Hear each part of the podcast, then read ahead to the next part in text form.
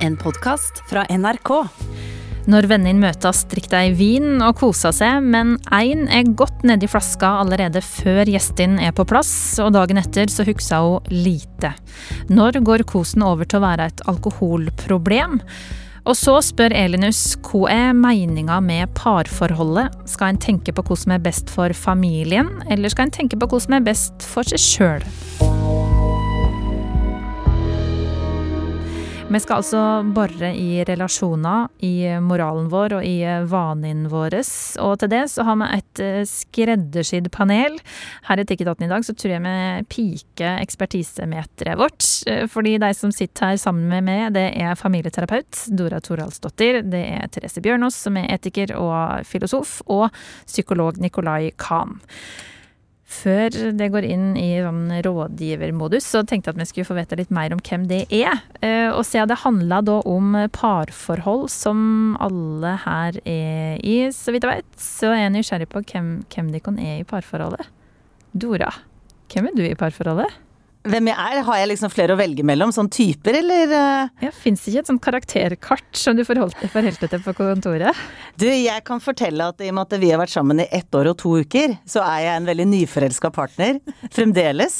Og vi møtes to uker, det er viktig. Ja, ja, ja. Og i og med at vi er voksne mennesker med barn, så møtes vi jo slik som så mange andre gjør, annenhver uke. Eh, og derfor forblir vi på et sånn magisk nivå, for vi savner hverandre såpass ofte. Høres jo litt eh, deilig ut å være Ja, og litt kvalmt også, sikkert. Nyforelska. Hva sier du, Nikolai? Er du i nyforelska modus som Dora her, eller? Eh, Ja, det er hver dag nye ting vet du, som oppstår. Jeg har vært gift i 13 år, jeg, så det er jo ingenting. Nei, nei, nei. Neida. Nei, det er vel kanskje ikke nyforelskelse som er følelsene du kjenner mest på nå, nei. Nei, Så du har kanskje kjent mer på hvilken rolle du har i parforholdet, da, eller? Ja, men det er et godt spørsmål, for det er jo ikke sånn du tenker over til vanlig. Men eh, jeg har vel en eh, Jeg har vel en rolle, da. En eh, ektefelle og Ja. Vi har jo vært gift i 13 år og har ikke barn, så da blir på en måte parforholdet det som vi har. Mm. Mm. Så da finner man jo på en måte sin rytme i det. Men jeg, jeg syns det er vanskelig å definere én rolle i et parforhold. Da. Mm. Det syns jeg faktisk. Jeg synes Det varierer jo litt fra hvilken eh, situasjon vi er i, egentlig.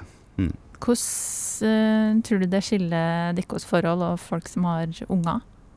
Ja, jeg tror vi skiller oss eh, på at vi, em, vi nok er mer sentrert rundt aktivitetene våre. da. Eh, hva, vi, hva vi liker å fylle tida vår med. Det er jo et valg vi har tatt å ikke få barn, bare for å si det. Så det er jo fordi vi ønsker å bruke tida vår på det vi er nysgjerrig på i livet. Så det tror jeg skiller seg litt ut, men ellers er det jo likt. Vi har jo jobb og spiser middag sammen, og vi har på en måte faste rutiner, da. Mm. Det blir hverdag Ja, ja, ja. uansett. ja, ja. Ja. Therese, i din heim er det mer action. Ja, det er veldig mye action. Vi har jo ei på tre og ei på fire måneder, så vi er liksom i den der småbarnsperioden. Så bare jeg tror det var senest to dager siden så spurte jeg mannen min om du er vi liksom kjærester eller er bestevenner, for det her, eh, nå må vi skjerpe oss. For det har jo vært liksom litt sånn de siste tre årene at alt er sentrert på, på ungene og ungene sine aktiviteter. Apropos. Så, så hvem er i forholdet? Akkurat nå så tror jeg bare en litt sånn der kjeftete organisator.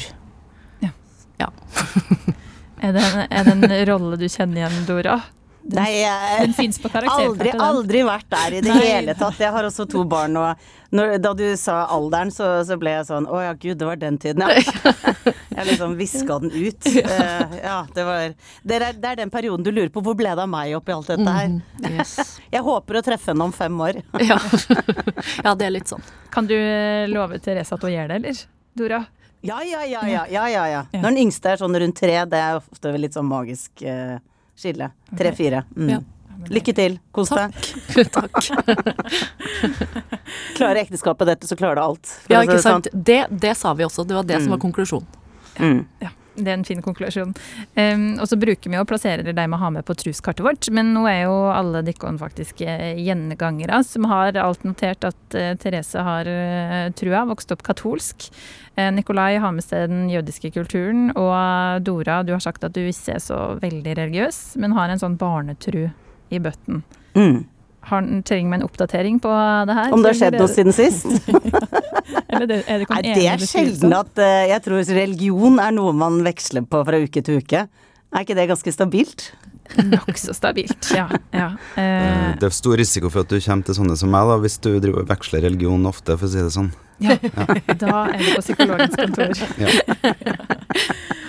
Og det her tre ulike erfaringene som det har, de tar vi når vi nå skal hjelpe innsenderne her i Etikketaten. Blant annet også Aina, som eh, skal arrangere en alternativ konfirmasjon for sønnen med sosial angst. Men først så skal de få hjelpe venninnegjengen til Lisa. Lisa skriver på e-post til oss til etikketaten krøllalfa nrk.no, og det kan du òg gjøre, du som hører på, hvis du har et dilemma som du vil ha panelet sine tanker rundt. Lisa skriver altså Hei, Etikketaten. Vi er tre venninner som er bekymra for ei god venninne av oss. Litt om hun. Hun er ei sprek og flott dame som stiller opp for andre og sier hun har det bra. Når vi møtes, så er det gjerne alkohol med i bildet, og hun har som regel et glass vin eller en øl klar når vi kommer. Men det vi har lagt merke til, er at hun starta tidligere på dagen, og hun kan holde på til langt på natt. Hun blir fort synlig rusa og endrer litt personlighet. Hun er like blid og fornøyd, men hun faller litt ut og husker ofte lite neste dag. Vi drikker jo sjøl litt alkohol når vi treffes, men på langt nær så mye, og avslutter ofte tidlig. Det her det har vara i flere år, og vi er bekymra for om hun faktisk har et alkoholproblem. Vi vet at familien òg har reagert på det her, og at noen har tatt det opp med henne, men hun har sagt at hun har kontroll og mener hun ikke har noe problem. Hvordan kan vi prate med henne uten å klandre henne eller være moraliserende? Håper det i Etikketaten kan hjelpe oss. Helsing Lisa og gjengen, og vi har valgt å kalle venninna for eh, Ingvild. Nikolai, du har jobba med rusavhengige. Når bikka vinkos over til å bli et alkoholproblem? Jeg er jo ikke så glad i begrepet alkoholproblem, fordi um, jeg syns det er litt upresist. Så jeg liker å tenke at enten så har du det som heter et skadelig bruk, eller avhengighet. da. Eh, og avhengighet er jo definert av noen sånne ganske spesifikke kriterier. Eh, der skadelig bruk er kanskje mer i den gata der vi mm, det, vi det vi kaller et problem, da. Problematisk bruk. For det kan være skadelig bruk fysiologisk, men det kan jo også være psykologisk eller sosialt. eller det, er mange områder av livet rus kan påvirke. da. Og så vil noen si at det alltid er skadelig bruk, sånn som Wasim Sahid som hatt med før, som tenker at alkohol er en uting. Ja. Men ja. Ja, Mm. Nei, sånn tenker ikke jeg på det. Jeg tenker det også kan være helsefremmende i mange sammenhenger. Men eh, alt handler jo om dose, da. Ehm, så når, når man har et alkoholproblem, det er jo mye i det dilemmaet som sendes inn som gjør at jeg tenker at her kan vi godt være inne i det problematiske området, absolutt, altså. Mm. Um, Når er det helsefremmende? Det må jeg spørre om. Nei, da, da tenker jeg jo Det er jo litt flåsete sagt, da. Men um, eksempel, eh, det er jo veldig mange relasjoner i Norge som er inngått uh, som følge av at man har hatt litt alkohol i blodet. Mm. Uh, fordi det gjør at folk faktisk, i hvert fall vår kultur, tør å snakke med hverandre. Det er, det er noe med at det er et sosialt bindemiddel for mange. Det er mange som har gode opplevelser i alkoholpåvirka tilstand. Det det. Det kan være gode opplevelser sammen i forbindelse med mat og drikke. Det kan være det er veldig mange sammenhenger der det, det er godt for folk. da. Mm. Mm. Mm. Selv om levra vår kanskje er uenig, så er det mange andre deler med helsa vår som er viktig. da. Mm. Mm. Går varsellampa i det, Therese, når du hører det her brevet? Jeg vet egentlig ikke. Jeg, sitter liksom og, og, og tenker litt på OK, hun har jo en familie som på en måte har tatt det opp med henne, da. Og hun sier jo da sjøl at hun ikke har et alkoholproblem. Hun eh, sier at hun har kontroll. De sier også, på en måte, de andre vennene sier også at vi drikker jo, men kanskje ikke like mye. Mm. Og da tenker jeg jo også OK, men hva er definisjonen på mye, og hva er definisjonen på lite? Og så reagerer jeg litt på den at uh, vi avslutter tidligere. Ja, OK. Hun avslutter alltid så seint. Hva har det med et alkoholproblem å gjøre, tenker jeg også. For jeg kunne ofte avslutte seint når jeg ikke hadde barn. Da var jeg gjerne ute seint og drakk det seint, mens nå så drikker jeg jo selvfølgelig mindre og kommer hjem tidligere, men det handler jo om at jeg også har en familie og må komme hjem til, og at ungene mine står opp klokka fem-seks om morgenen også, så jeg har liksom ikke sjans til det. Men, men, det er derfor jeg på en måte klarer ikke helt å få, og det vet sikkert du mye mer om da, Nicolai, men jeg klarer ikke helt å få fatt på at det her er et så veldig stort problem. Det som jeg tenker at kanskje er et problem, er at hun blir ufin. Sånn som de, de snakka om at hun på en måte blir veldig synlig berusa, og da kanskje oppfører seg litt, litt, annerledes og litt ufin. Den kan jeg på en måte reagere på. Og det tenker jeg kanskje ikke er så veldig vanskelig å ta opp med ei god venninne. Mm heller ta tak i den delen. Hvordan, Kanskje ta tak i den delen, og hvordan effekten det har på hun på en måte. Mm. Men, eh, men, jeg er litt sånn usikker på om jeg ville ha kalt det et alkoholproblem, eller ja. Men det her at hun er berusa eller har tatt noen øl eller vinglass før de kommer, er det et eh, varselsignal, Dora? Eh, det trenger jo ikke være det. Eh, men det jeg tenker er at når det er en venninnegjeng, altså tre venninner som skriver inn, så tenker jeg at dette er noe de er reelt bekymra for og syns er vanskelig. Og jeg personlig er veldig tilhenger av eh, et veldig fint ord som heter ærlighet. Eh, hvor eh, det å si hva du tenker og føler og mener er lurt, og det er mange grunner til det. Og en av de er at hvis du ikke setter ord på følelsene dine og hva du tenker, så siver det jo ut gjennom kroppsspråk og ordvalg og tonefall, f.eks. Og da vil nok denne venninnen kanskje merke at de er litt sånn stive eller reserverte eller reagerer nonverbalt eh, sammen med henne når de ser at hun har drukket et glass vin. Det blir elefanter i rommet når vi ikke setter ord på hva som skjer. Så personlig så tenker jeg at det å være en venninne handler jo også om å snakke om ubehagelige ting og si det du faktisk mener, selv om det kanskje ikke blir mottatt på best måte. Eller det er kanskje ikke så kult for den andre å høre. Men det å våge, ikke alle tre, for da blir det sånn intervention og veldig sånn pekefinger og eh, en jury som sitter foran deg og dømmer deg. Det er ikke det jeg tenker. Jeg tenker at øh, kanskje at uh, Lise da uh, sier du, jeg, har, jeg, vil bare si en ting jeg har tenkt på, og så bare si det én gang, ikke si det hver gang. At jeg tenker at når vi kommer og du har drukket i forkant og det blir sent, og jeg har inntrykk av at alkoholforbruket eh, har blitt veldig stort, eller er mye når vi er sammen, og jeg personlig blir bekymra, hva tenker du? så er det noe med å ha våget å si det. Men en som Dette kan jo Nikolai helt sikkert bekrefte også, at hvis noen slutter med rus, Eh, så er det jo en indre motivasjon. Det er ikke sånn at hvis nok folk sier ifra, så, så skal det 32 personer til, og så tar personen tak i det. Mm. Det er jo en indre lyst og drive og motivasjon og, eh, til å ta tak, da. Men hvordan kan ja, Er du enig i det, Nikolai? Ja, men den indre kommer jo ofte av uh, sosiale signaler også. Det er jo ikke så, jeg syns ikke det er så lett å skylde på det alltid, jeg, da. Um, vi, vi, eksisterer på en måte ikke i et vakuum heller, sant. Så hvis, hvis omgivelsene dine synes at du nå syns jeg kanskje det er litt heftig her, så er det jo, um, det er jo kanskje litt sånn rødt tegn hvis man ikke justerer seg etter det.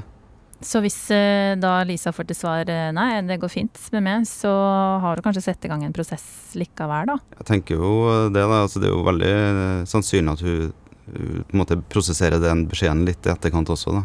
Mm. Men hvordan kan en innse sjøl at en har et problem da? Hva er liksom beste måten å få frem det på? Nei, men det, det, er jo igjen altså, det å innse om du har et problem, det er jo, det er jo på grunn av at grensene er jo ofte ikke så veldig tydelige. da, så Det er jo, det er jo kun de her på en måte ekstreme tilfellene der det er veldig tydelig når du, ja, du er nødt til å drikke når du står opp om morgenen og alt går til H. da. Mm. Eh, da er det jo forholdsvis enkelt, men, eh, men, vi er jo veldig mye oftere i akkurat det landskapet der det er sånn gråsoner. Hva er egentlig for mye, og uh, den personen det gjelder, sier at det går helt fint, da. Mm. Og hvem er vi til å dømme på en måte det livet her? Så, så det, jeg tror den som har på en måte en sånn risikodrikking, hvis man kaller det det, vil, vil, vel, vil, ha ganske store vansker med å identifisere det selv, fordi at prosessene her er jo ikke veldig sånn av eller på. Det er ofte veldig glidende overganger. Og i noen miljøer, da, sosiale miljøer, er det jo det veldig vanlig å drikke veldig ofte. Eh, og da er det på en måte i den konteksten der helt ok, da. Mens i en annen kontekst ikke ok. Mm. Da er vi tilbake til mer sånn at det her er jo eh, på ingen måte en sånn biologisk definert kategori. Mm. Det, det, er veldig styrt av sosiale normer også, da. Mm. Men det framstår jo som at Ingvild har misforstått eller ikke plukka opp noen sosiale ja. normer her, da. Er det et, et, dårlig tegn, Therese? Nei, altså jeg er veldig enig med, med Dora der i, for, i, forhold til den uh, intervention-greia. At uh, jeg hadde heller ikke ville vært de tre venninnene, Lisa og de to andre, og liksom sittet ned og du, vi tror på en måte at du har et problem. Jeg ville nok kanskje ha tatt det med eh, face, altså én og én, da. Sånn at uh, hun ikke Altså i tilfelle hun virkelig mener at hun ikke har et problem, og det vet ikke jeg noe om, om hun har heller. Uh, så jeg ville nok kanskje ha snakka med men kanskje jeg ville ha tatt det tak i på en litt sånn annen måte, f.eks.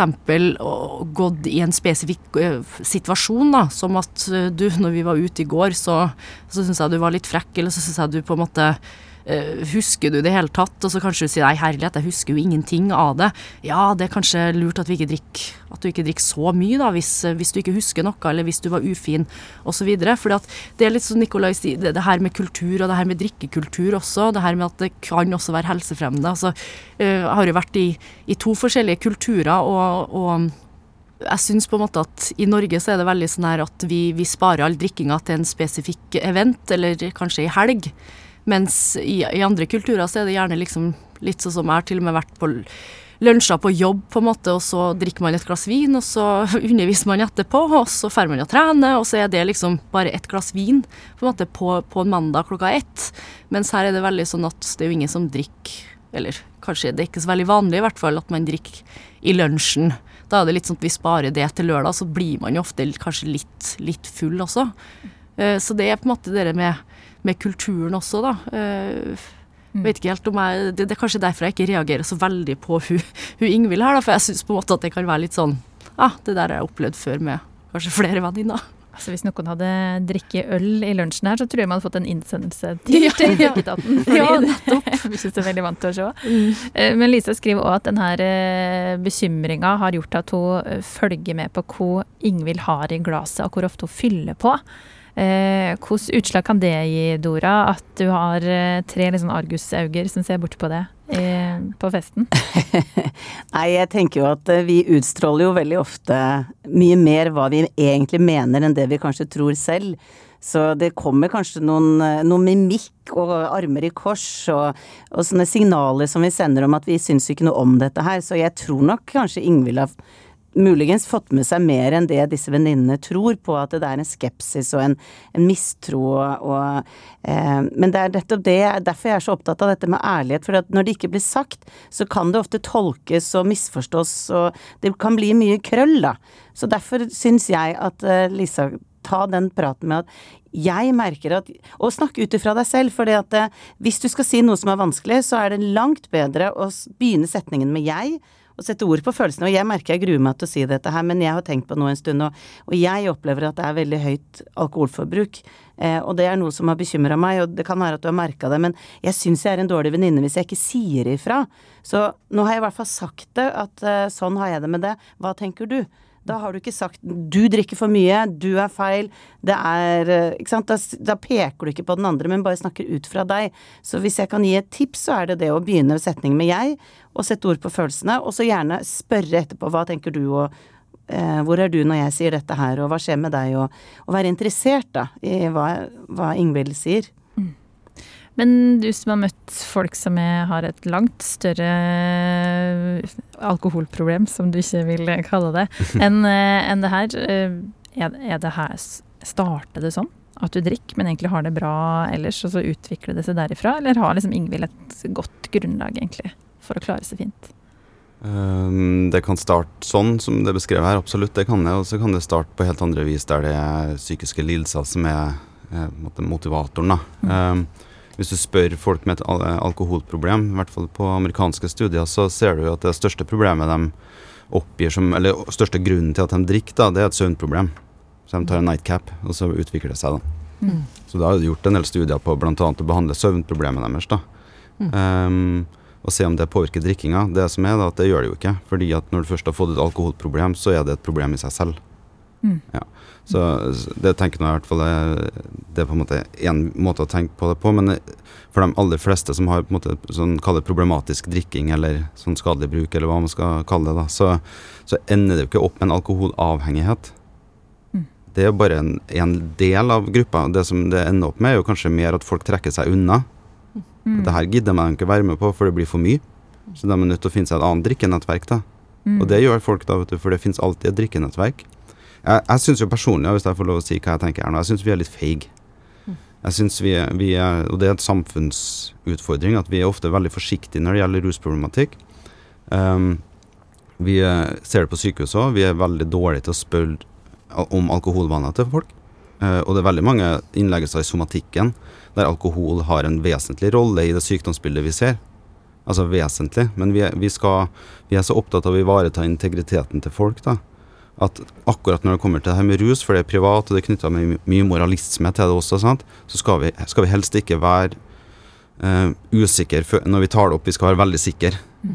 Det gjør også at vi tar opp blodprøver på alle mulige ting på et sykehus, men skal vi sjekke om de har alkohol i blodet, da må vi ha samtykke. Ja. Mm. Sant? Mm. For da krenker vi folk hvis de sjekker om det. Men det er jo vesentlig i veldig, veldig mange tilfeller. Men, men sånn, sånn er samfunnet vårt òg. Det samme gjelder når du får det inn i et nettverk. da. Vi, vi, vi lar det gå langt før vi tar det opp. Mm. Nå, eh, og jeg tenker jo sånn Hvis du har en venninnegjeng som også Altså, de er jo ikke avholds, det er jo ikke det Lisa skriver. Mm. De er ute og har det hyggelig sammen, men det her er ikke i takt, da. For meg blinker alle varsellamper. Ja. Mm. Det her det er noe som ikke stemmer. Og så er det jo store utfordringer hvordan man tar det opp uten å krenke. Ja. Mm. Og det er jo veldig enig med det Dora sier, at du må ta utgangspunkt i hva du ser og hva du tenker, og, og stille åpent. Det å gå rett inn og si du har et alkoholproblem, det er feil måte å gjøre det på, tror jeg, rett og slett. For du må heller si at ofte når du drikker sånn, så er det ubehagelig for meg. Mm. Mm. Skal vi prøve å justere det litt ned? Kanskje får vi til det, for det, da blir det mye hyggeligere å være sammen med deg. Mm. For når det er sånn, så er det jo ikke noe hyggelig, rett og slett. Det er utrivelig. Mm. Men syns du Lisa og gjengen har, har venta litt for lenge? Nei, jeg tenker de eh, sannsynligvis er menneskelige. Altså det er helt innafor å vente og være, altså kjenne på magefølelsen sin. Men når, når det blir sånn at en venninnegjeng blir oppmerksom på det, med mindre de er veldig hysteriske, da, så, eh, så syns jeg jo at det kanskje er greit at det, at det er kanskje én person da, som tar det opp, at ikke hun blir opplever seg angrepet, eller Mm. eh, Og hvis hun ikke er med på den dialogen, så ok, greit, men da har man i hvert fall sådd en tanke, da. Mm. Og så er det viktighet med å ikke skyve Ingvild ut, for det høres ut som hun trenger det her nettverket sitt hvis hun skal få rydda Ja, opp i ja, jeg tror ikke utenforskap er løsninga på et eventuelt problem. Det tror jeg langt ifra. Så det er jo noe med å tåle at folk har, eh, har utfordringer med, med det. Og det er jo ikke alle som har eh, evne til å tolerere alkohol like godt. Og noen mister jo hodet litt fortere av det også. Vi reagerer ulikt på det. sant? Så, Mm. så det tenker jeg absolutt at det, det er ikke poeng å, å avvise. Det er jo heller omvendt her. Det jo, og du må huske på det er jo venninna her som egentlig avviser dem med sin drikke, drikkemåte. Det er jo hun som blir vanskelig å være sammen med. Mm. Sant? Og hun fortsetter fest mye lenger. Hva, hva er det hun gjør da? Hvor er hun? Hva finner hun på der? Altså, det er mange grunner til å være bekymra her, tenker jeg. da. Har du blitt mer bekymra etter å ha hørt det her, Therese? Du var litt sånn meh. Nei, nei, altså, jeg, jeg syns det, kjempe- det er kjempeinteressant når Nikolai sier på en måte litt sånn at vi er rett og slett litt feige, for jeg føler meg litt sånn feig i den der casen. For jeg bare tenker å herlighet, tenkte jeg hvis jeg hadde vært Lisa nå, tenkte jeg hvis jeg hadde vært eh, Ingvild og skulle ha hørt venninnene mine ha en sånn intervention med meg, og så tenker jeg å nei, du, jeg tror det er det riktige, men herlighet, kanskje vi er for feige, kanskje vi skulle rett og slett bare ha, ha snakka med henne. Og sagt at jeg tror det her, tar vi feil, tar vi, altså, og så videre da. For jeg begynte jo på en måte å tenke med en gang, nei herlighet, bare for at jeg kommer hjem sent, hva betyr det? Kanskje det er for at hun er frekk, kanskje hun skal ta opp det i stedet. Men kanskje man, kanskje, kanskje man ikke skal være så feil, og bare gå rett på sak. Det kan godt være at det er det som er absolutt riktig. Men jeg hadde også notert meg litt det der, da, at, og det nevnte jo Nikolai også, da, at uh, de er jo tross alt med og, og drikke sammen med også. Så hvis man er ordentlig bekymra for ei venninne om at du kanskje har et alkoholproblem, så hadde jeg nå kanskje ville ha funnet på andre ting med henne også. fordi at man er jo på en måte med å bidra litt på den drikkinga. Litt sånn som ble sagt, det er jo noen som drikker mer enn andre, og noen som tåler mindre. Uh, og så videre, da. Så, så kanskje da finne på noe annet. Kanskje unngå å fære ut på byen og drikke. Mm. Kanskje det hadde vært et alternativ. Stikk på en alkoholfri fjelltur, eller noe. For eksempel, ja. Mm. Jeg tror eh, både Lise her og forhåpentligvis også andre har fått litt sånn mot av å høre det her. Nå så skal vi inn i det neste dilemmaet i Etikketaten eh, i dag, og det handler om parforhold og hvor lenge en skal holde sammen.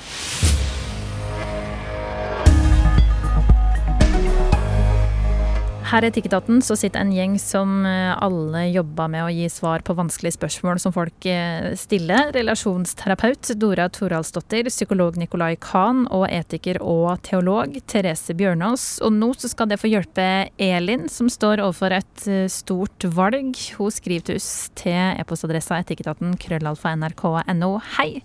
Nå skriver jeg til dere i Etikketaten for å få hjelp til et dilemma jeg tenker på hver dag. Hva er meninga med parforholdet? Skal en tenke på hva som er best for alle, eller skal en tenke på hva som er best for seg sjøl? Grunnen til at jeg spør, er at jeg har et problem med å leve i parforholdet jeg er i, men jeg er for redd for å forlate det ettersom vi har felles barn. Jeg har ikke tro på at delt buplass vil være bra for ungene, men jeg vil heller ikke gå inn i en kamp for å få hovedomsorgen. Jeg kjenner meg sterk som person, men i ekteskapet er jeg ensom. Jeg kommer ikke helt innpå mannen min, og han virka ikke interessert i å komme inn på meg. Vi har eh, lite nærhet, både fysisk og mentalt. Jeg har gjort mange forsøk på å gjøre ting for relasjonen. Lage god mat, bestille billetter til konsert, skaffe barnevakt osv. Han tar ingen initiativ. Elin spør altså ikke om råd til hvordan hun kan redde forholdet, men hun spør skal en leve sånn for andre sin skyld og være uselvisk, eller skal jeg leve for meg sjøl? Familieterapeuten her i rommet. Hva sier du til det her?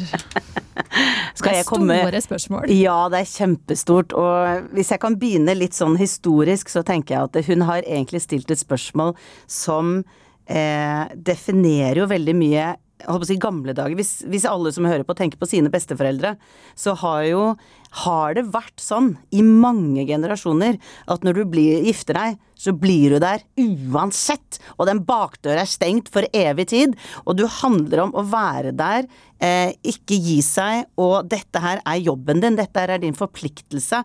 Det er ikke snakk om noe annet. Om begge mine bestemødre, de var gift hele livet, sa at hvis jeg hadde levd i din tid, så hadde jeg skilt meg. Det er ikke noe å lure på. Farfar ble sammen med farmor, for han var forelska i søstera.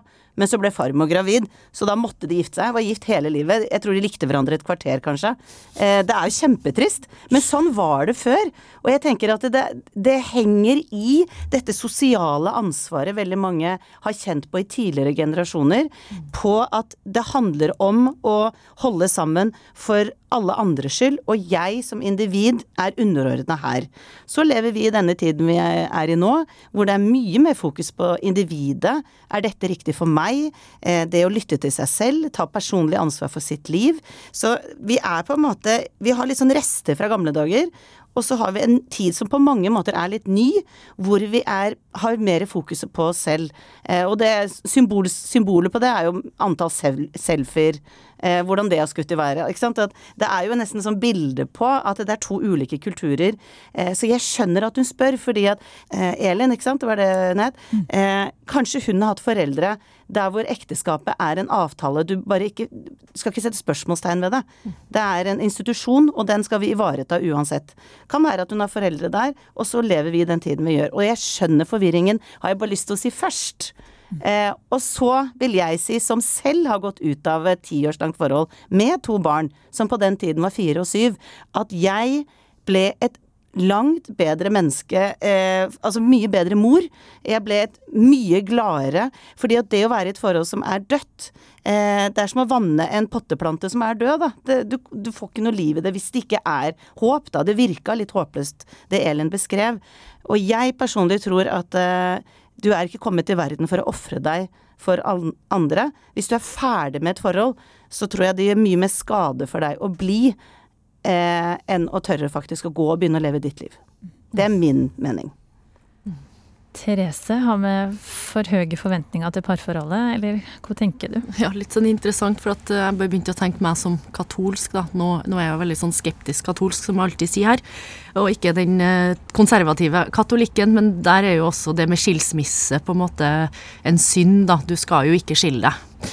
Um, samtidig som jeg tenker at det blir jo selvfølgelig helt feil. For jeg tenker jo også at hvis jeg skulle ha vært i det her forholdet og vært ulykkelig, så hadde jo det uansett gått utover lykken til mine barn også.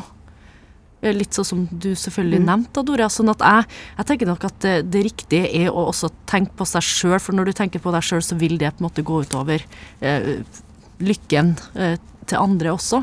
Og så virker det jo som hun, hun Elin her også hun har, hun har prøvd ganske mye, da. Hun sier jo det sjøl, liksom. Det å ha date nights, uh, skaffe barnevakt, og så får hun på en måte ingenting tilbake. Så da er det litt som den, der, den planta som du prøver å vanne. Kanskje det ikke er noe, noe vits i det hele tatt. Så jeg ville ha sagt tenk på deg sjøl. Jeg tror nok at det kommer til å ordne seg for, for ungene uansett. Og i hvert fall se at, at mora er lykkelig. Jeg kjente på en sånn bunnløs følelse av tristhet, jeg. Mm. Syns det var utrolig sånn trist um, case, da. Der at eh, masse avvisning og uh, mye sånn tomhet. Og prøvd og prøvd og prøvd. Ja, Mm. sant. Og, eh, og så får jo bare selvfølgelig hennes versjon av det, da. Det er sikkert mye vi ikke vet, men ut fra det som er beskrevet her, så uh, Jeg klarer bare ikke å se um, en sånn løsning på den Måten det er beskrevet på, det hørtes så dystert ut, da. For meg blir det veldig sånn åpenbart hva svaret er. Altså, det nei, at, at det her er jo ikke sunt for noen. mm. Det kan jo ikke være, det kan ikke være svaret på et godt liv, det her. Nei. Og hva, hva, hvilke modeller er det barna her får på hva et parforhold skal være? Mm. Men når skal du eh, pakke bagen og gå, Dora? Det er kanskje noe med det, da. At du går i den her tralten Ja. Hvor dag. Det er mange svar egentlig på det, fordi jeg, jeg tenker at de som forlater et forhold, særlig der det er barn, Min opplevelse er at de går ikke før de har prøvd absolutt alt og tøyd den strikken så langt som bare det, fordi de vil så gjerne skåne barna. Og det sies, eh, jeg vet ikke helt hvordan de har klart å finne ut av dette, men det sies at når kvinner går, så er det syv år på overtid. Eh, Det vil si at det er en avgjørelse som egentlig ble tatt for veldig lenge siden, men så har du tenkt, sånn som Elin innsender her, på at eh, Men vet du hva, det, det handler om barna, ivareta de. Og så på et eller annet tidspunkt så er det som om det er en strikk som ryker, eller en følelse av at jeg mister meg selv. Og det som også skjer når du ofrer deg, altså det vil si at du gir mer enn det du har, for å liksom please, for å tilfredsstille andre, så går det utover to ting spesielt, og det ene er gleden, og det andre er energien. Så det er denne følelsen av, og jeg er helt enig med Nikolai, da, da du leste opp, så ble jeg også sånn veldig trist, for jeg tenker det er en sånn håpløshet i det. Um, og jeg tror at, sånn som for min egen del, i og med at jeg har jo faktisk tatt dette valget selv, riktignok for ni år siden, men um, så var det noe med å føle at jeg har sagt alt jeg har å si. Jeg har bedt om For jeg tenker også det å være tydelig overfor mannen om hva hun har behov for. Hvilke behov er det som er udekket her? Hva er det hun ønsker? For hun sier at mannen min tar ikke initiativ. Men hvis mannen får vite Jeg har veldig lyst til at hver lørdag så finner du på noe. Fordi at jeg opplever at jeg har prøvd så mye, og eh, noe vi kan gjøre Det spiller ingen rolle hva det er, men å prøve å gi litt ansvar og se om han tar imot. Eh, og så hadde jeg lyst til å si én ting på slutten her også, fordi for min del så syns jeg at det kan være litt klargjørende at det sies at et kjærlighetsforhold er basert på tre ting, og det, du kan tenke at det er som en krakk, da. Og det ene er vennskap. Eh, hvordan, er vennskapet? Er det vennskap her? Eh, og så har du forpliktelse, som det høres ut som Elin er litt mer på enn mannen, i og med at han tar lite initiativ. Men det kan jo også være en oppvekst hvor ingen av foreldrene tok noe særlig initiativ. At det ligger ikke så veldig sånn latent for han. Han trenger å få litt opplæring i det. Og det tredje, det er liksom den fysiske tiltrekningen. Og eh, Elin nevnte liksom at det ikke er verken eh, det, det står ikke så bra til på noe som helst områder. Men det å Hvordan står det til liksom med er vi tiltrukket av hverandre? Vil vi ligge sammen? Har jeg lyst til å ta på deg? Ikke sant? Den der eh, attraksjonen, den er jo også veldig vesentlig. Disse tre tingene står jo da på en måte et forhold på. Og hvis det skranter på alle tre, eh, og du har gjort det lenge, hvem er du i forholdet for? Fordi barna dine Jeg har til gode å treffe noen i terapi som sier at jeg har takket mine foreldre for at de var ulykkelige for min del. Jeg er så glad for at de hadde det helt grusomt begge to for meg. Det er ingen som sier det. Det er heller motsatt. Jeg skulle ønske de levde sine liv og hadde det bra. Det hadde vært bedre for meg. Så det syns jeg også har vært veldig For min del, da, som har tross alt gått, godt å vite at veldig mange voksne sier at jeg er glad ikke mine foreldre ofret seg for meg. Men du sier damer går sju år for sent. Når, når går menn? Altså, dette er veldig sånn overordna statistisk, altså det er masse unntak selvfølgelig. Men veldig mange menn går fra ett forhold til et annet. De har funnet en annen. Så da går det jo Når de blir busta, på en måte. det er veldig brutalt å si det, men det er veldig ofte at eh, menn går fra en kvinne til en annen. Mens en kvinne går gjerne inn i et singelliv, en periode i hvert fall, før hun er klar til noe nytt. I større grad, da. Ja. Men som sagt, det er masse unntak. Men Therese altså sier at uh, ungene er en grunn til at hun helt igjen her. eh, Ja, det var akkurat det jeg egentlig hadde lyst til å øh, si. da, at jeg, Som småbarnsmor sjøl, så, så tenker jeg hvis jeg på en måte hadde vært i det forholdet da, hvor ingen av de tre, den krakken du nevnte, Dora, stemmer, da, så, så, så hadde jeg jo selvfølgelig syntes det hadde vært utrolig trist og måtte kanskje hatt ungene mine annenhver uke. Jeg vet ikke helt om jeg kom til å, Akkurat nå så hadde jeg aldri, aldri takla det, og da tror jeg kanskje at jeg hadde kommet til å levd i det forholdet. Altså det, vet jeg, det er jo vanskelig å si da, i og med at jeg ikke er i det forholdet, men, men det blir på en måte den, den sorgen, og det er vel kanskje derfor hun også ofrer seg på den måten også, sikkert har gjort det lenge og er jo pga. ungene, og det sies jo også her. Jeg tror jeg hadde kommet til å ha veldig problemer med å se ungene mine annenhver uke. Mm. Jeg kjenner liksom litt på den derre uff, det hadde gjort kjempevondt. Så, så, jeg vet ikke hva jeg hadde kommet til å gjort i den, i den casen her, rett og slett. Hvis jeg skulle ha tenkt på, på mine barn, da. Mm. Kjenner du igjen eh, det der fra terapirommet, Dora? Ja, ja, ja. Og når det er så små barn, så er det jo en, en det er enormt mye biologi som spiller inn her på mm. tilknytning og behovet for å være nær. Eh, og nå skal det sies at det som gjorde at jeg også gikk, det som var hjalp meg, var jo at vi veldig tidlig faktisk i forholdet snakka om at hvis det noen gang skulle bli slutt, så er, har vi begge to veldig tro på at barn har godt av å ha et hovedhjem, mm. ikke den der delingen 50-50. Så jeg har jo hatt hovedomsorgen, som har jo også gjort at det, det har vært lettere for meg å, å, være i dette. For jeg har ikke gått glipp av halvparten av barnas oppvekst, da, kan man si. Mm. Eh, så jeg tror det også har mye å si. Hva er det du går til? Og ta den samtalen med partneren at eh, hva tenker du når, når, foreldre skilles, har barn godt av å være 50-50? For det er jo egentlig for foreldrenes skyld at det er 50-50, ikke for barna. Det kan vi godt si ganske høyt og klart. Men, mm. men eh, det er veldig vanskelig for foreldre å gi avkall på sin tid med barna, og det har jeg veldig forståelse for. Så det er jo blitt sånn av gode grunner. Men, eh, men eventuelt ta den samtalen med han, da. Uh, bare høre. For det kan jo være med på å hjelpe til at dette ikke blir så skummelt, hvis han eventuelt går med på en sånn 60-40-ordning, for eksempel, eh, men jeg tror nok det å vite at den dagen jeg går, så har jeg prøvd alt, og det å være tydelig overfor mannen hva du har behov for Jeg bare lurer på om det er blitt gjort. Sånn tydeliggjøring. Hva er det du savner? For vi har jo ulike kjærlighetsspråk. Vi uttrykker kjærlighet ulikt. Eh, sånn at hvis hun har kjærlighetsspråk med ord, og han er helt fremmed for at det er sånn hun føler seg elsket Han tror kanskje det er tjenester eh, som er hans kjærlighetsspråk. Ikke sant? Det er jo det er fem ulike kjærlighetsspråk. Eh, så det, det, er ofte misforståelser der også. Men, eh, men hvis følelsen er helt eh, skrapa, og den der krakken som jeg nevnte, det er, det er, ingenting igjen på noen av de, da er ikke jeg sånn kjempeoptimistisk, altså. Mm. Elin skriver jo også hva er meninga med et parforhold? Mm. Og hvis vi liksom ser bort fra reproduksjonen, da. Eh, hva sier du, Nikolai? Hva, hva er meninga?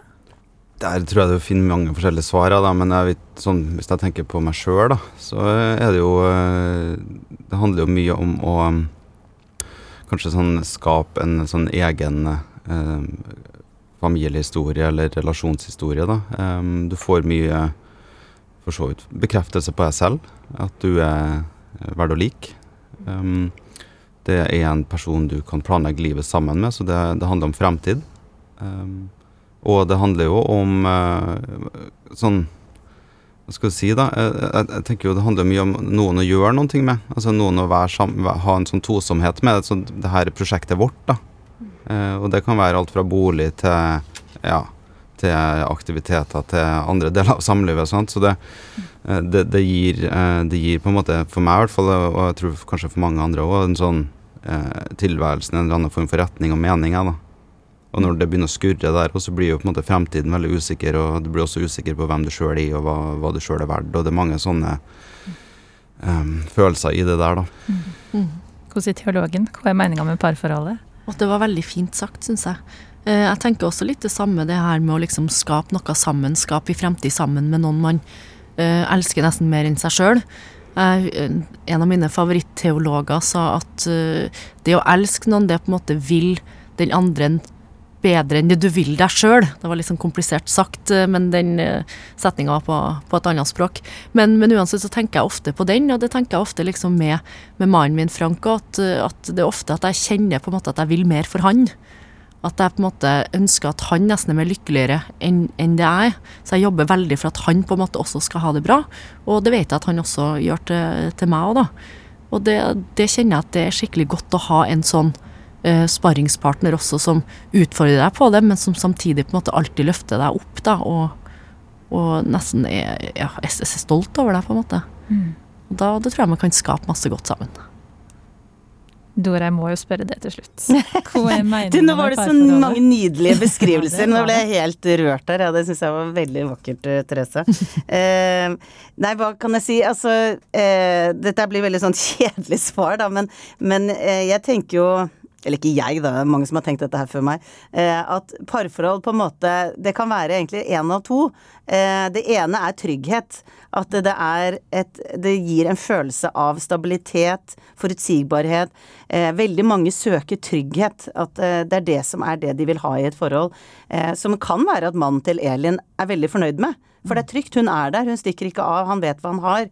Eh, men så har du det som også veldig mange higer etter, og det er en slags utvikling. At eh, med en annen person så strekker jeg meg litt lenger, så blir jeg utfordra på mine temaer, ting som har vært vanskelig i mitt liv, mønstre jeg har som kanskje ikke er helt gunstig, blir jeg utfordra med, på med et annet menneske som ser meg, som ser kanskje tvers igjennom meg, som er interessert i sårbarheten min, som jeg kan utvikle meg videre. Fordi vi, det bor jo i oss mennesker at vi vil utvikle oss som mennesker. Og da syns jeg det er så fascinerende hvordan parforhold kan være en veldig katalysator på nettopp å utvikle deg. Selvutvikling, rett og slett. Da. Eh, så det på en måte kan parforhold være så mye for så mange, men jeg syns jeg hører at Elin vil ha noe annet enn det hun har. Fordi at det høres ut som det er stillstand, og da blir vi ofte litt ulykkelige hvis vi ønsker oss noe videre, noe, noe mer. Som eh, både Nicolai og Therese også har nevnt, at det, er jo det vi alle higer etter. Det er en grunn til at det er parforhold i alle reklamer og alt mulig, for det er det vi ser opp til og, og ønsker oss. Å bli sett, det å bli tålt, det å bli elsket. Det er jo det ultimate. Elin har fått mange tanker med seg inn når hun nå skal ta det her valget som hun spørres om. Skal jeg holde ut? Skal jeg bli her? Åh, det er et vanskelig valg, men jeg håper du har fått uh, støtta du trengte, Elin. Nå så skal vi lukke innboksen uh, ørlite grann, men det går fortsatt an å sende inn spørsmål til oss til Etikketaten. Adressa er altså etikketaten krøllalfa nrk.no hvis du har et dilemma i livet ditt som du vil ha andre sine tanker rundt, og du kan da uh, være anonym. Vi skal nå nemlig bli litt mer eh, kjent med den gjengen her som sitter og øser av sin eh, kunnskap. Nå så skal dere få lov til å trekke en eh, lapp fra den her hellige gralen vår. Jeg strekker meg over til Therese. Oi, wow, ok. Hva er helvete for deg? Ja, Oi. det kan være så mangt. Ja, det kan være veldig mye, men da velger jeg egentlig å tolke det på en litt sånn teologisk måte. Jeg tror ikke, som veldig mange katolikker og kristne tror, at det finnes et helvete, og at man kommer dit hvis man har synda masse eller ikke tror eller ikke døpt eller osv. Jeg tror ikke at det finnes et helvete i det hele tatt, for eh, da tror jeg egentlig ikke at eh, det hadde på en måte ikke vært eh, vits at Jesus kom ned til jorda osv., som vi katolikker tror på heller. Så hvis jeg skulle ha svart på hva et helvete er for, for meg, må jeg nesten si at helvete for meg hadde jo selvfølgelig vært å, å, å miste uh, det, det jeg elsker, da. Uh, barna mine og, og, og mannen min. Rett og slett, tror jeg. Altså at det på en måte har vært en sånn type tilstand, på en måte, da, hvor de jeg elsker mest av alt, hadde forsvunnet fra meg. Ja.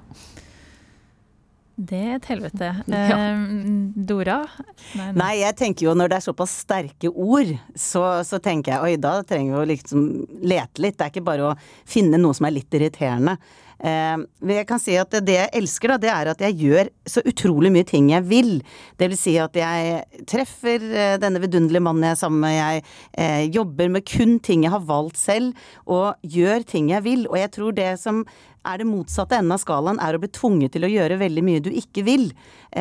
Og jeg tenker i denne tiden hvor det er krig i Ukraina, hvor utrolig mange mennesker som blir forlater hjemmene sine og bare sitter og venter på steder de ikke har valgt selv, og lever et liv de ikke har valgt og ikke ønsker og ikke har lyst til å ha, og vet ikke hvor lenge det varer. Jeg har nå er mer i voksen alder, jeg har lest om kriger før, men nå er liksom ser jeg jeg var eksempel på Jeg hadde et eh, show, og så var det et hotell med eh, en del ukrainere som bodde. Og hvordan de øynene til de barna, og, og ikke minst de voksne også, var helt sånn døde. Eh, det var helt forferdelig. Og dette her vi snakker om eh, 24. februar, så ble livet endevendt. Eh, de aner ikke hvor lenge. Og jeg har vært i flyktningleir i Libanon, og det er absolutt eh, helvete på jord, hvor de har vært i flere år, eh, og ingen vet hvilken vei det går, og, de sitter bare og venter. Det er for meg det er det verste jeg kan tenke meg. Nikolai nikker, men eh, hva er helvete for det, hvis du skal svare på det spørsmålet? Uh, altså For å ta det tilbake til min virkelighet, altså det første jeg tenkte på når jeg hørte spørsmålet, var jo tap av frihet. da. Uh, helvete for meg da er jo hvis at jeg mister evne til å påvirke livet mitt. Um, sånn at det blir liksom fanga i det på en eller annen måte, da, at en situasjon jeg ikke klarer å gjøre noe med. Det, det tror jeg kan ha vært et lite helvete for meg, da. Hvor kan det være, eksempel? Ja, men eksempel så kan jo det være eh, sykdom i eh, nær familie der at du ikke kan kontrollere på en måte utfall. Det kan være en sånn ting. Det kan være hvis det ja, Det blir bare sånn tenkte scenarioer men hvis du, du ikke har kontroll på økonomien din, hvis du, hvis du mister styringa på hvordan du presterer på jobb. Det er mange sånne situasjoner som jeg tror ville ha gjort meg veldig, veldig eh, dårlig, da. Um, og så vet jeg jo sjøl hvordan, hvordan jeg reagerer på kjedsomhet. Eller hvis at jeg ikke opplever um, læring. Det, det kan jeg oppleve som et lite helvete. Da, da blir jeg utrolig sånn eh, frustrert, da. Da fungerer jeg veldig dårlig. Så jeg er nødt til å ha bevegelse hele tida. Og tenker jo, jo, for meg er jo det frihet. Altså det å ha mulighet til å kunne gjøre de tingene jeg liker å gjøre, eller oppleve de tingene jeg vil, eller ja, utvikle meg sånn som jeg liker, da. Nå har vi liksom rota nede i mørket, men det har litt for seg også, da, å tenke deg litt eh, Ja, skremmende tankene. Jeg tenker jo at det, det blir jo graden av glede du kan oppleve, henger jo litt sammen med også graden av sorg du har opplevd, eller fortvilelse. Nesten alle som har vært igjennom en livskrise, blir mer takknemlige mennesker nettopp fordi de har vært der nede i mørket. De har hatt mye regnvær, og så kommer solen, og da setter du mer pris på det. Akkurat som våren nå, ikke sant. Vi blir jo mye mer takknemlige for våren men de små lysglimtene fordi vi har hatt vinter. I kontra de som har bra vær hele tiden, de tar jo det for gitt.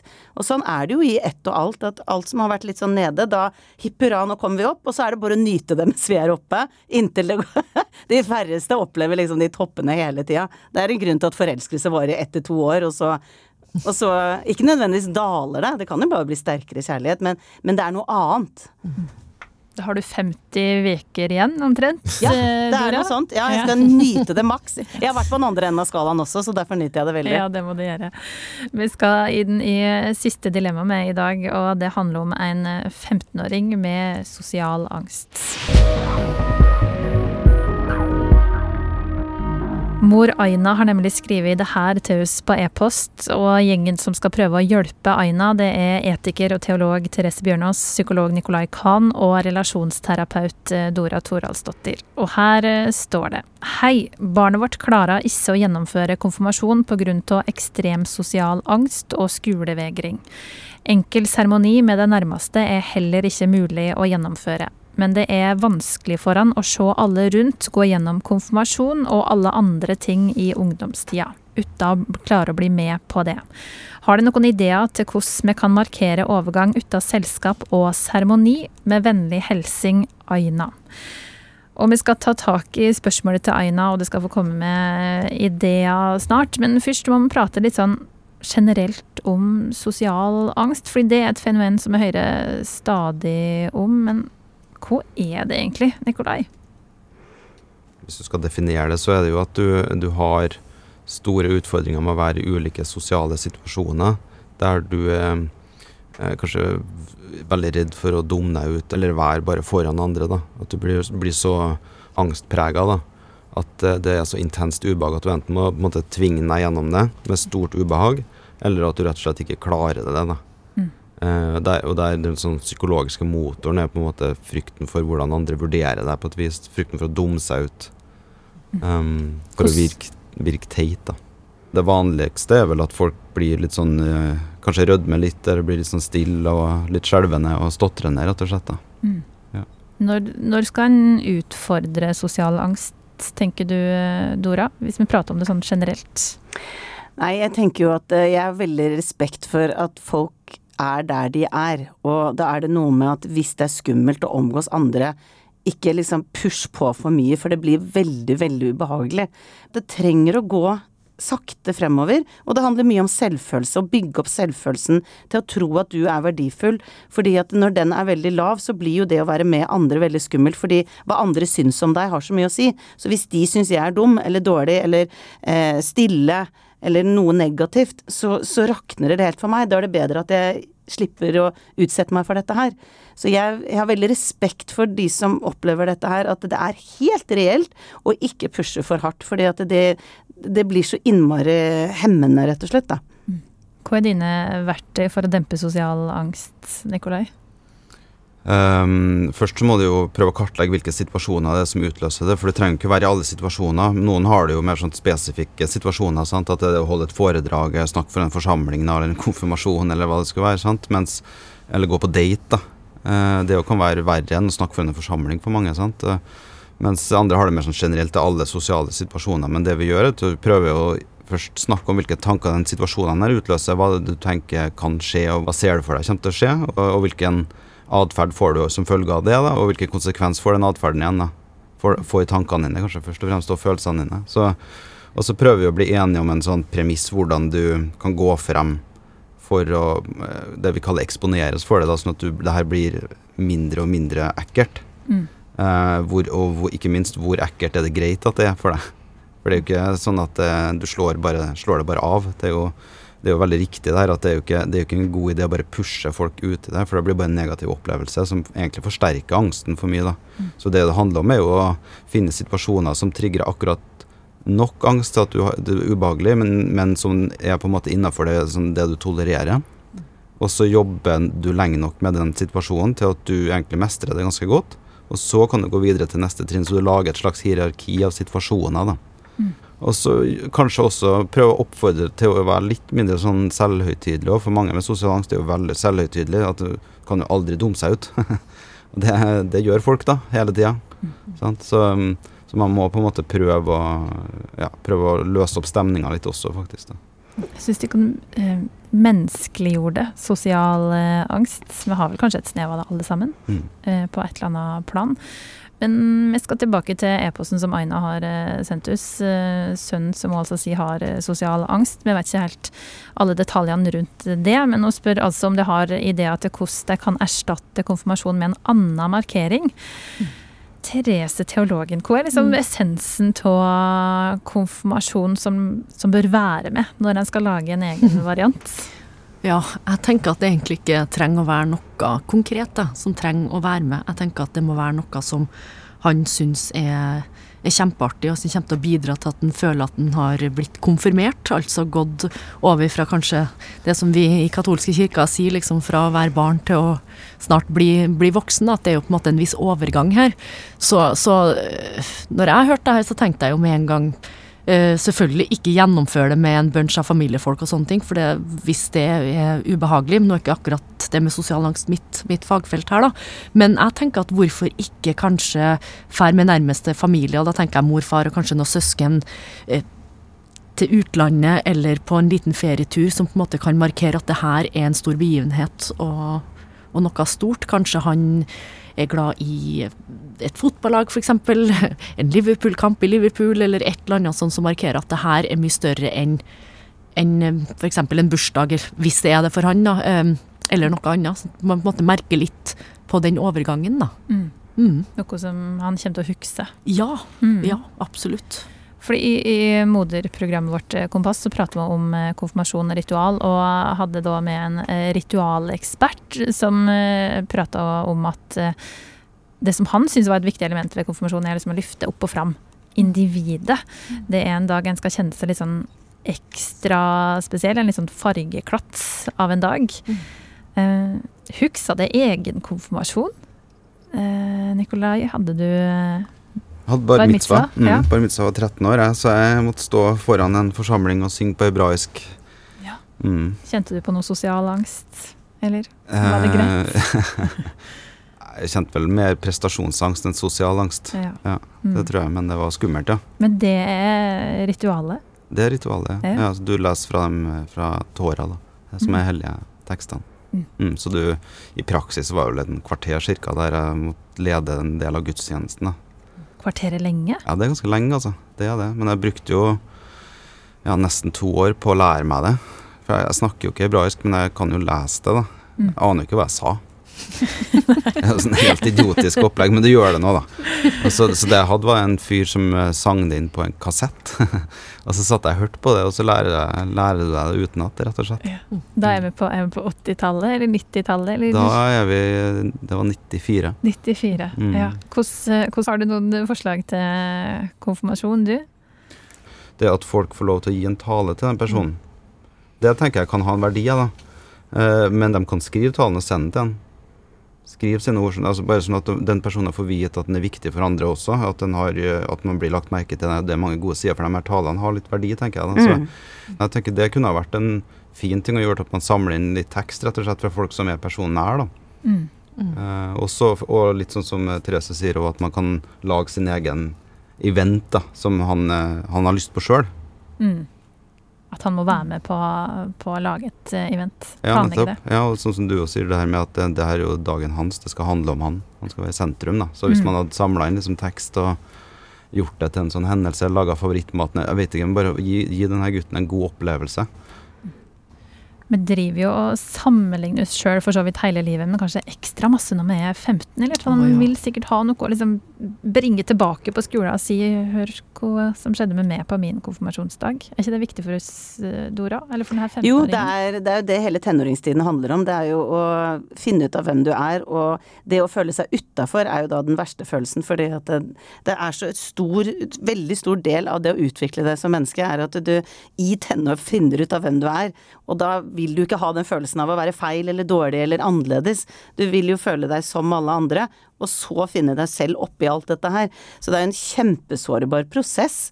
Eh, og det jeg tenker er å, det å gjøre stas på han, sånn, sånn at han føler seg vel. Om det så blir, la oss si den turen som f.eks. Therese var inne på, at jeg var på sånn tretopphytte for ikke så lenge siden, eh, og det å noe det er på en måte ikke så avansert, men, men det å, hvis familien lager veldig god mat i en tretopphytte, da, for eksempel, hvis dette her er et barn som liker den slags, men å bare gjøre det så mye sånn skreddersydd for han, sånn at han kan komme på skolen og si at eh, jeg hadde også min egen dag. Det, det er en stor greie, så jeg har veldig forståelse for at uh, moren skriver inn og lurer på hva hun skal gjøre. Men jeg tenker å, å gjøre stas på han, og jeg syns også det å ha videoer eller tekst er også veldig, veldig fint. For da kan det leses opp eller vises fram eh, uten at de er der og presser han til noe som helst. Her var det mange gode ideer til det vi håper blir en eh, fin dag for eh, Aina og resten av familien, og som denne 15-åringen kommer til å huske som noe veldig, veldig fint. Nikolai Khan, psykolog, Therese Bjørnås, etiker, teolog og filosof, og Dora Toralsdottir, familieterapeut, er altså gjengen som har eh, utgjort ekspertpanelet vårt i dag, med stor E, vil jeg si. Neste uke så er det tre nye folk som sitter her i panelet, og hvis du har enten spørsmål fra egen hverdag som du vil at vi skal ta opp, eller tips om kloke folk som kunne passa i panelet vårt, så send gjerne en e-post til etikketaten krøllalfa nrk.no.